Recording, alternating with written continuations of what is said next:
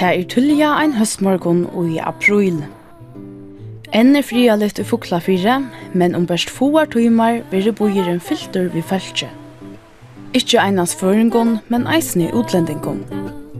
First you put your left on and then your right You tie a little bow tie and pull it tight First... Te kom öll av Bindefestivalen, som er den første av Sunnusle i Føljon. Fyra kvinnor hava tidsi sti til festivalen, som er i trutjar diar i Fuglafire.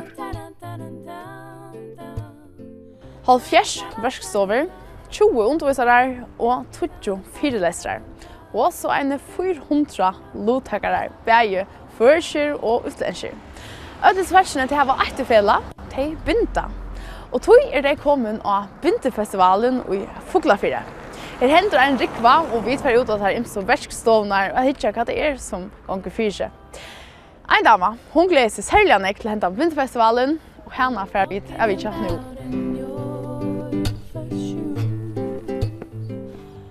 Hei, Tomma Mera Torron. Ja. Hei. Hei, hei. Velkommen. Takk for det, så var vi endelig her. Ja. Jeg kom inn. Takk. Jeg har alltid elsket bonde, og jeg lærte å binde at jeg var halde jeg var seks år. Halde papen min som lærte meg at kassa på og binda rett. Dette her er så det som vi, et av første som vi bant i skolen nå. Dette her er en pusledukka som vi tjåla. Og tog rukkla hette det som er etter at vi bant i sokker. Her vi var en tutsi år og så råd. Jeg har alltid pent bunt i det, jeg skal si det selv. Man har bindt i sånn støt, og ångte binder man trøtjør, og ångte binder man som humør er. Det er ikke alltid til meg binda hos, og det skal binda tver hos. Jeg skal vise deg bøkene som vi, eller det som vi bruker ofte at jeg binder. Så ikke her. Jeg har også helt bant. Det her er ikke vant den vanlige båten som gamla føreska. Du kjenner henne kanskje? Ja. Hvordan har du brukt disse båtene? Jeg har brukt nok så, brukt til forskjellig, bare til sokker, nok så nok til sokker, brukt, brukt bortar ur her til sokker og forskjellige sorter som man kan du vet. Og, og, og eisen du kan bruke som heilmønster. Det har vi eisen gjort bare. Right. Og så er det akkurat sånn här Her, hessa sokkarna här inne med bonte. er det nok penere der, at det kommer på stolarna her. Hvor lenge har du tagit att att binda att pärja? Oj, det tar kveld kväll att binda en sak. Så det är två kväll det sitter bintar framför sjön vart nu. Så så får han rycka och i plåster för kan, bløven. Ja, du kan bruka det. Ikke, det som du vil. Det er det som jeg alltid er nok så godt. Og du finner forskjellige sånne, som fiff, du dem som her er rundt, vi snær og i. Hvor finner du så vel å vinter? Jeg vet ikke, jeg må ha vårt hund. Kan ikke sitte i fjernsyn og ikke vinter. Nei, det kan man ikke. Jeg må sitte og vinter. Jeg føler det som, jeg føler meg dåna hvis jeg bare sitter i sjøen. Det er at, det er ganske mange folk sier det, men jeg vet ikke, jeg, jeg føler akkurat som om det er noe rastløshet at jeg må ha stokker. Nu tar hon Aschfern i gång till att jag har tjänat fyra ringar när Arndor först då vinterfestivalen. Ja. Og det tog till er nok at man får upp på plats. Perler så til akkurat å sette på altså sånn at man kör ur brukt noen ting om. häcklenallar og så skal man ha stockar. Og jeg har valgt å teka funtgarn, mest funtgarn til at jeg er bare i utlånt og bomull. Du er nesten at du melder deg til? Ja, jeg melder meg til nesten beina vi. Jeg var nummer fem. Du har hørt om det, og jeg vet ikke. Helt at jeg tiltaler meg beina vi. Helt hatt, hatt av mått. Har du glett det? Åh, ja.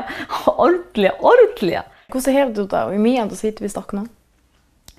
Jeg slapper av. Självt med man ofta var så blå knutter og sånt, men det er alt stressant. Så. Så leis. Nå halte jeg at vi har vi alt vi. Så nå er klart affæra. Som løyer ut av fyrra parsten, så just sleire folk av gøten under fuklafyrre. Om um en løte blir jeg fyrst og verstovnar, som nå skulle senast og fyrreikingarna gjerast.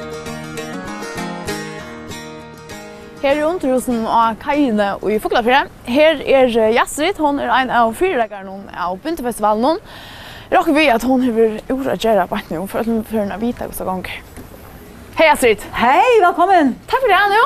Er det Råkan Fjørne? Ja, her er Råkan Fjørne. Vi gjør det største kaffehuset klart på nå. Ja. Eh, her er underhus i bygdene, her som eldre menn sitter og hun er her og prater. Så her er det noe til kaffehus. Jeg må lukke ringe, Øsne. Jeg husker om P.E. Termanklammer og kakan. Er ikke å bite jeg kommer på en av VV2. Alt er friske, jeg kommer i alltid vi liker noen. Såleis, hette er det sindre øresene. Annars er alle verstoner i privaten høymon. Men henda verstonen vi er her, som er gammel eknikerskruer, som ikke vil nøytter. Ja. Eh, og tid tror jeg at jeg får ha plantelyding, av lita tekv. Hvordan er det med annars vær du det? Har du snakket kjørt? Jo, ja, ja. Han er mega hektisk år. Natten var leng, og der blir jeg til, ja. Men uh, takk høyre, det er alltid og folk skal nøkt. Og rønne utlendinger, har du sett med folk i byen nå? Ja, vi har faktisk sett flere. Hei, er det kakesjøren? hei, hei gode, du? Er i omtrusnån, uh, når kommer du kaken her? Nei, vi har kaken til Sikko. Ta av den. Hvordan har det vært hatt i Finnsjøk og hjelp fra... Bygda fatje? Fra hofferingen til... Ja, ja, ja. Ordentlig gode hjelp. Altså, kaken er bestilt hjemmefra, eller bakkerøyet. Så det var en ordentlig, ordentlig fløtekake, en bindeklubbakake. Så da. Det skal være en ordentlig fortjelelse. Tror du du ikke leser etter? Hur ska jag gå? Ja. Arda? Yes. Kacknar er kommer. Ja, jag ska ringa dig då sjur. Ja. Hetta við ikke kakna. Er skilgant. Hatta er ordentlig, ein bindi klubba kakna. Kan du? Kaffe trakten er kommet, og termokanner, og vi manglar teje og koppar og alt tilbjør. Nei. Bare kom bare vi at Atlon så tar er klar. For, ja, jeg sier til vi fridsko, så var hun av døy. Funker va? Ordan, takk for det. Yes, bye. Atfor kommer. Ordan? Yes. Ja. Vi er så kvar skatsen nå. Så nå kan vi løye noen mennene hos det. Nå får jeg sitte og skratje når jeg løter. Eh, tid for han fyra faktisk. Så ta skal vi mer vekst på en gang. Skifta tasker, kjøre et lån. Og så kom det inn til Mettnes nå. Er det en råkast litt over? Ja. Hei, hei. Det er råkast litt, men det er stort litt. Ja. Og øren er folk i byen om, det var utlendingar og, og, og fosseringar og æreføringar østene. Kom alle sammen fra. Ja. ja. Hva sier jeg? Jeg halte... Vi blir heppen vi. Ja, vekse noen, ja. Jeg halte at hei er vel nøkt og, og glede. Og jeg synes det er vi at, at merke hvordan føringer er det som folk kan slære, og vinnerlig, og de bygger vårt vel. Vi tar ordnet det så sånn at de bygger bed and breakfast, de aller fleste. Ja. Og de bygger rundt her i byen, og de føler seg ordentlig som grøyver alltid. Hei, velkommen! Takk for det. Ja. Så har noen damer som fyrer. Ja, ja. Er det da stort, John? Ja. Ja.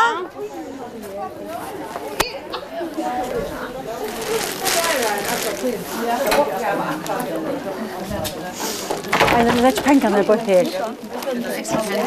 Ja, ja wifi-koden. Kan du jobbe her? Ja, Ja. Jeg har vært i morgen for kjærestedet. Å, for kjærestedet, Jeg heter her ikke her som vi skulle affære. Renummer. Altså, heter her det verste som du var der? Ja. 808, ja. 808. Hentan. Hentan. Ja. Og en av tre, hessa boer. Ja. Hvordan du hver hun skal være? Nu har vi skrivet her at henda verstånd er i huset nummer 5. Ja. Til her. Så skriver vi på at tro i fyrsta og pivåra, kanskje lettere. Ja. Ja. Og jeg vil si her og her. Ja. Yes. Vær så god. Og flatchen er utenfor huset, det er jo til å se. Ja. Så løs. Ja, jeg er her til uh, klant 4, og så får jeg uh, etter vekstepengene gjøre øtlån öllum kaffehusnum og öllum som krevja vekslepengar om match. Ja. Så så sitter man lätt. Så just. Yes, hon det kom.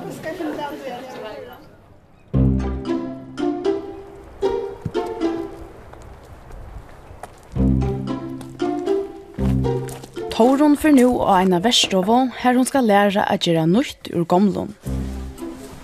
Hei! Hei, velkommen! Tack.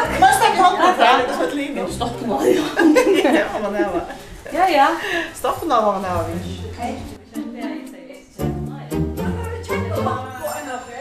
Det er imes hos Ahoen er for dem imso verstovenom. Hetta er ein av dem helt vel domto. Jeg heter Dagmar Peter. Jeg har alltid strikket, alltid syet og alt som jeg husker så har jeg det. som. Og så det er kun interesse. Prøv å se om vi kan få noe ut av en gammel trøye eller et eller annet strikket. Og det er vi er jeg spændt på at se, hvad vi kan finde ud af. Det er kun tre timer, det er ikke lang tid, men vi kan måske få begyndelse på et eller andet, og så kan I lave det færdigt, når I kommer hjem. Altså,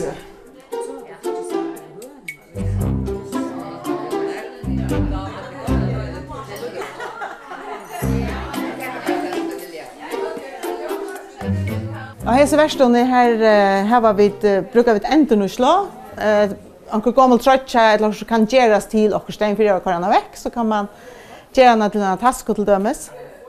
Det är värda överst av trøtjene og så var en her. Han har vi rike nye. Og så gjer jag en hank og så sämta samma til en sånn task. Og her er så sinterlig resten her av en trøtja. Og her er så tvär tasker kommer på sjur. Så kan man kanskje kanske för att göra också så är nere någon punkter eller också. Og Det her var en fra en trøtja. Her er fett av en ermon. Og så er det så blivet til en idøy. Så. Det Til dømes det. Og så akkurat nå har vi lært der å begynne uh, en hånd hvor man begynner um, rundt, etter frem og tøy med stokken. Det er her vi sitter og strøyest vi nå.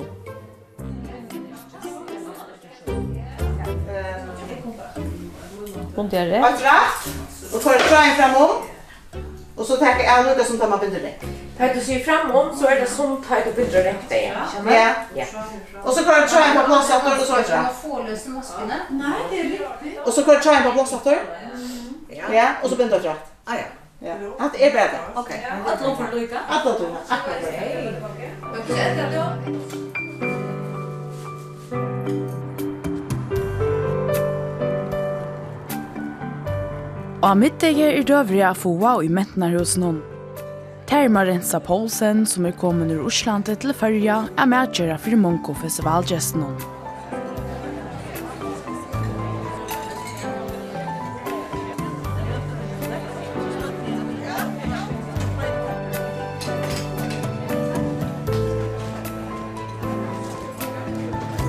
kommer så.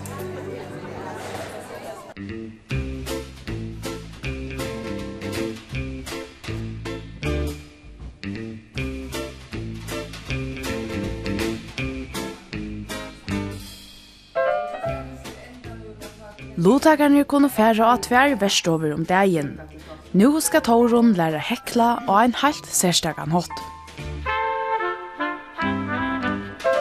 Og et hekling, en japan som heter amigurumi.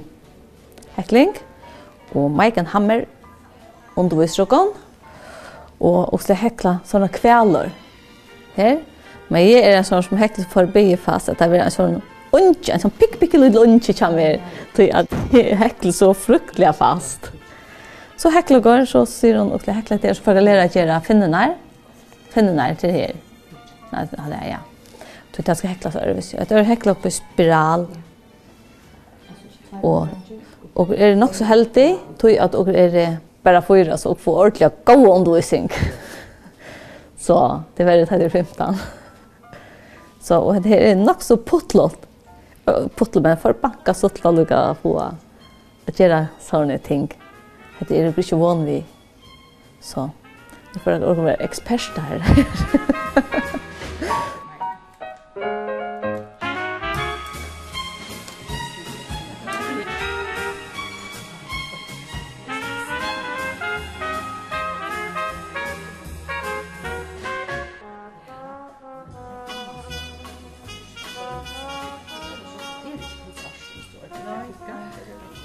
Føringar har snakka nokkuð tøy halti at ta man ger neka, ta skal vera til nytte. Ja. Det er lukka som et spel. Ja. Ja. Og kanskje så halda folk, nei, må binda. Ja, kanskje eisen, ja. ja. Det er mer da, ta gamla forska. Men hivin, altså eldre tøyen, så ble det hekla igjen opp middelverskning. Ja. Så sånn kjørt høy, og så eisen i gardiner, skjettene. Ja.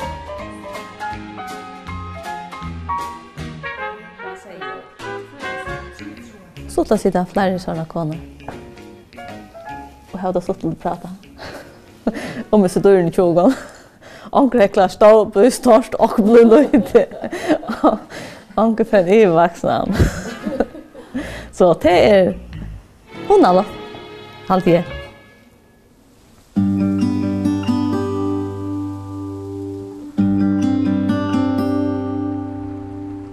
Goa vekkre kommer vel vi tja festivalgesten som i mittlen verstovner hava møvelegan a spaka seg turer i boinon og oppleva foklafjør fra sine beste og sujo. Og av festivalen er til samans halvfjers verskstover. Ein av taimun er heilt sérstøk.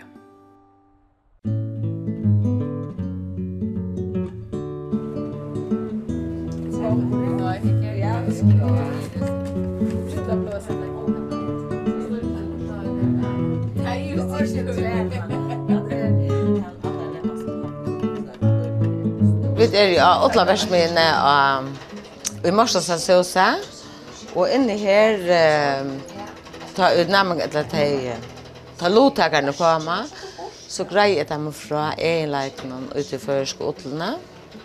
Og greier de fra hvordan jeg har handferdig åtlene fra til hun var av skinnene og til hun ligger her ute til Norslo. Ja til å prøve en ære prosess. Ja. Man kan bare slutte.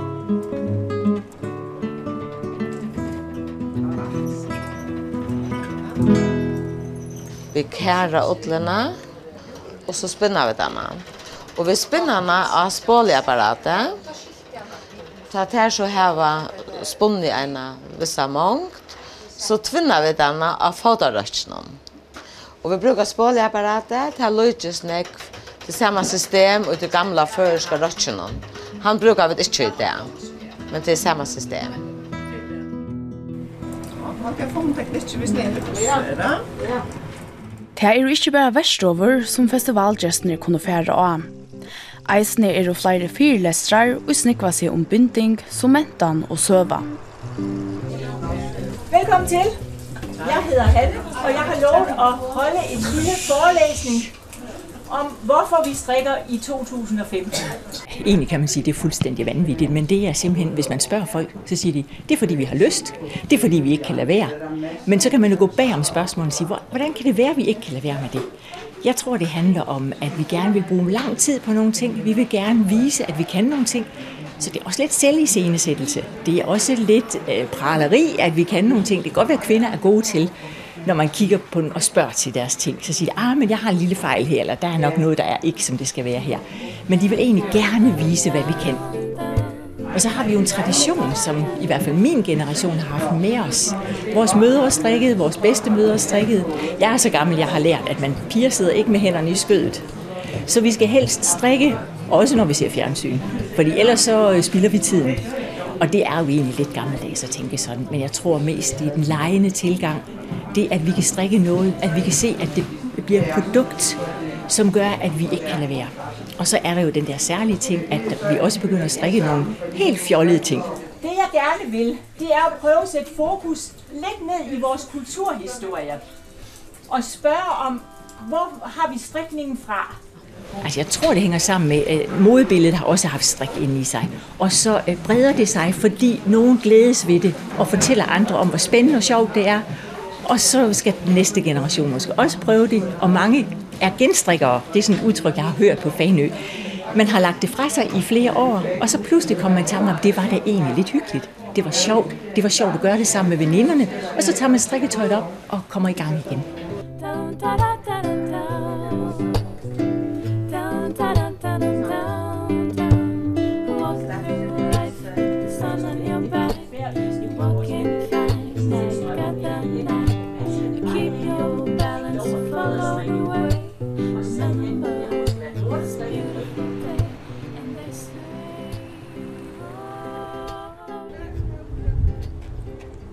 Er ferdig? Fint. Så Suttjast. Jeg kommer kjøtt etter. Yes. Ja, jeg må ligge i Haraldsen og kjøpe plastikkstanner. Så er hundra folk har vet frokost. Mm -hmm. Og her er det oppvask, så det må ha stanner til bestikket. Det hadde vi ikke også om. er det nekk man skal også om til han og fyrkjøpe en slukken festival? Ja, øyelig øyelig nek. Og det er nek jeg uvant til, kanskje. Ja. Ja, det er alt. Men vi regner som fri, så det er aldri vokst om, men tar vi det flere, så hokser vi det i møss, det er også fullt da. Så jeg må lukke inn i denne kjeipa nekka spanner. Hei! Hei! Så Hei. Såleis. Sover så nå? Jeg må aldri deg, du tar vask opp i full sprit. Så tar jeg vi først. Nå vil vi lukke for høym til åkken etter forskjellige mappen eh, vi vekslepengen. Vi skifter vekslepengar tre kvann timer. Så det skal ordnes nå. Åh, vekslepengar. Her er nok av mappen her da. Ja, her er nok veien. 36 pluss 15 mapper til festivalen. Så har vi rødt helt til kilo og hva skal ut først. Eh, som vi kan finne, hva er klokken? Fyra. Her er Yes. Høste, klokken 16 flaska 2, organ, og så tar sammen vi granna kaffe. Og så omtrusir her, Hette den seneste.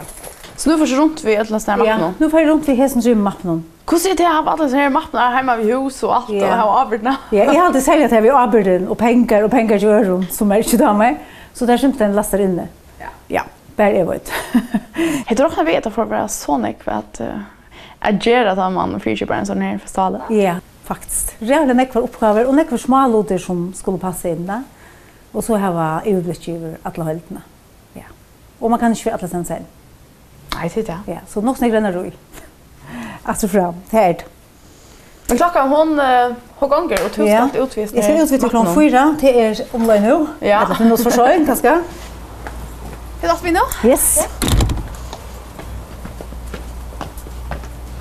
Helt vi är väck nu, va? Ordentligt, ja.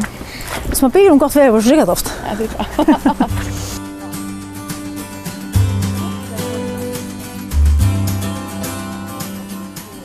Og hva er det så til første steg i skolan. Ja, første steg er Øyk-bygningeren.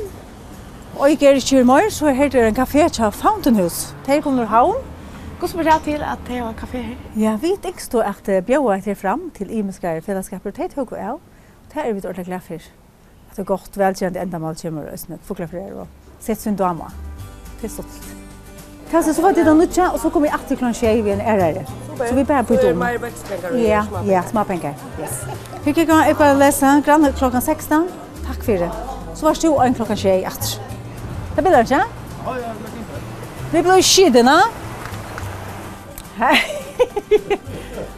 Så stod det alt, så ikke mann binda. Lastan lever. Prøv oss nå i action. Ja, det ser godt ut. Og gikk ikke fint? Ja. Og meg folk?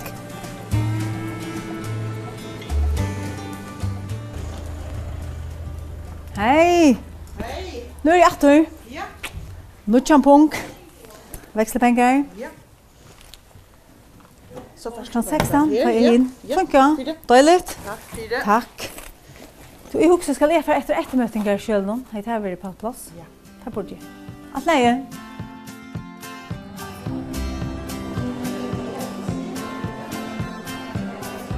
Gamle timberhandelen, som vanliga huser etles ekføren, virkar som sölutorg medan bindefestivalen är. Er.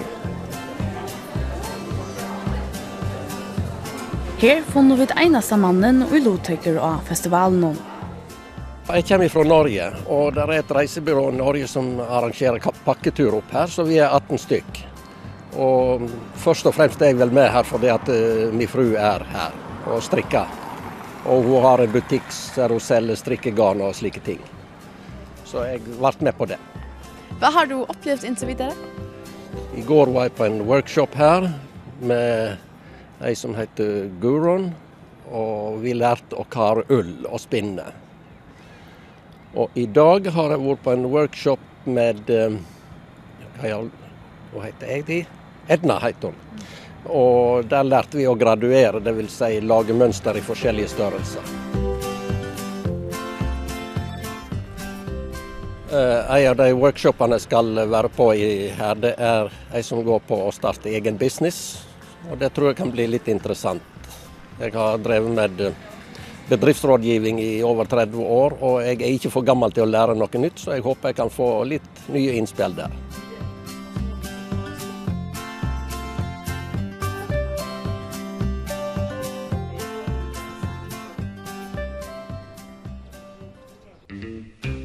Tær leiardavur og Torun er færen og seinast og verstovna og hon melda seg til.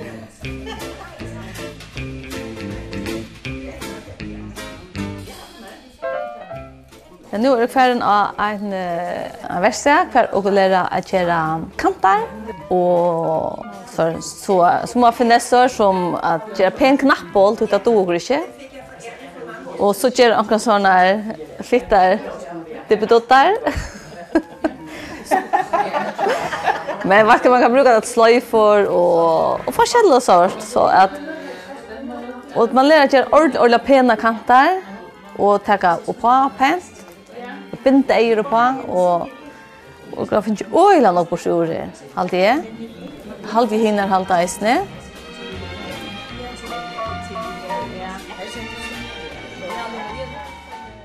Hetta tas som tegnar mig fyrst til, og nu ble det sørsta, men det er ordentlig godt.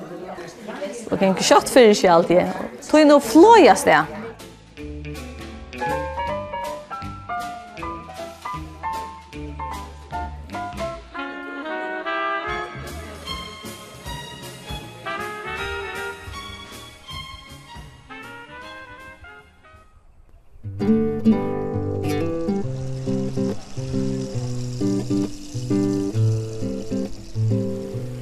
Utlendsku gestner njóta seina så løtna rundt i bøynon, og Arjen Bindefestivalen er av av hesson sinne.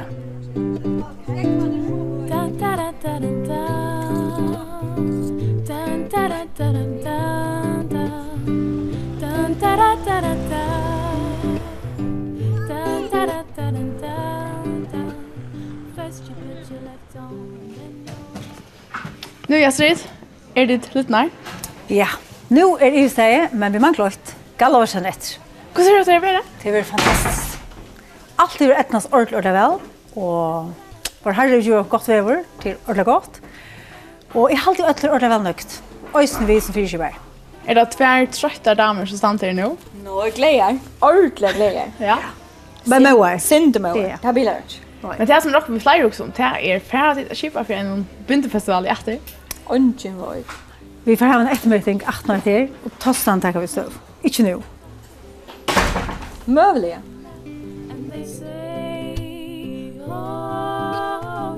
Nå, dette var så til. Tar de god service nere i buntfestivalen være? Jo, han har vært allmennelig god år, og, og krevet lærst nok.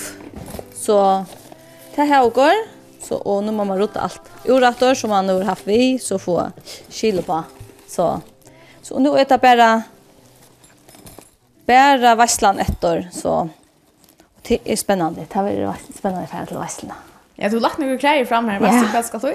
Du, jag vet inte säkert om det så sväror. Nej, det är eller chole eller kvätt. Det finner man det är bant aron till typiskt konfolk. Det är i sysslöt finner man det kan man ska i.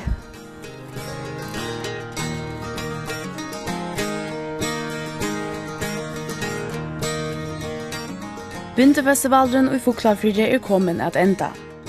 Trutjer dier vi verstovun, fyrlesron, uiplåstre og eine rikvo av binding. Men hva halta falskene om festivalen?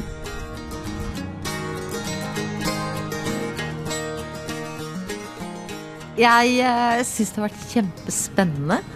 Og det er jo blanding av at man er på Færøyene for første gang, og Færøyene er jo spennende. Og så er det veldig charmerende å være på en strikkfestival hvor vi har kurs hjemme hos folk. Jeg synes det er kjempehyggelig. Så vi har kost oss. Det har vi. Veldig sånn veldig, veldig intimt på mange måter. Sånn bitte lite sted som du ser inne i Vika her, og så skjer det masse og masse mennesker. Masse forskjellige mennesker som alle sammen har kommet for det samme. Og det er veldig ålreit. Jeg kan gjøre en sånn damen som har funnet på det her hvordan ser du ikke støtene at her kommer vi snøskott? Det har vært kjempefint. Masse garn, masse nye teknikker og masse hyggelige folk. Altså færgerne, det er jo storslået. Altså man skal, hvis jeg boede her, så vil jeg ikke have mine gardiner i mine vinduer. Hver gang man kigger ud, så, så er der nye farver, og der er jo strikketrøjer oppe i fjellene, man kan blive inspireret af. Og jeg, jeg kan rigtig godt lide at være her. Og meget gæstfri folkefærd. Og maden, det er jo helt, helt fantastisk. Det må være noen mennesker som har jobbet ganske iherdig og godt. Det har vært veldig bra. Veldig bra. Masse å lære og nye teknikker og bli kjent med nye folk. Og... Ja, altså, det har vært rigtig dejligt at opleve både færingerne og så også selvfølgelig også workshoppen og sådan noget, men det har egentlig vist været det møde med de andre mennesker, der har været det sjove, synes jeg i hvert fald. Jo, jeg synes det har været interessant. Lært flere teknikker og truffet mange mennesker. Jeg håber, at I gør det igen. Jeg håber jeg. Så kommer vi tilbage. og vi går hjem og fortæller i Danmark. Så kommer vi flere næste gang. Og alle på Færøyene snakker norsk. Ja, de prøver det i hvert fall. ja, det er så overraskende.